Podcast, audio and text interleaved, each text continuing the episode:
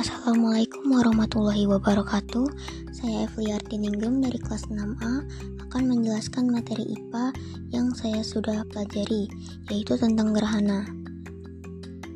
Ada dua macam gerhana yaitu gerhana matahari dan gerhana bulan. Gerhana matahari terjadi ketika posisi bulan terletak di antara bumi dan matahari, sehingga terlihat menutup bagian atau seluruh cahaya matahari di langit bumi. Jenis-jenis gerhana matahari yaitu 1. Gerhana matahari total 2.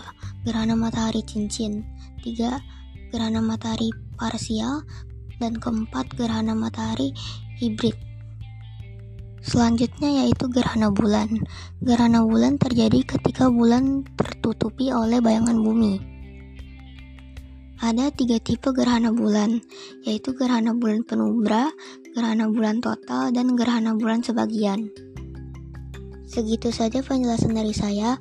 Wassalamualaikum warahmatullahi wabarakatuh.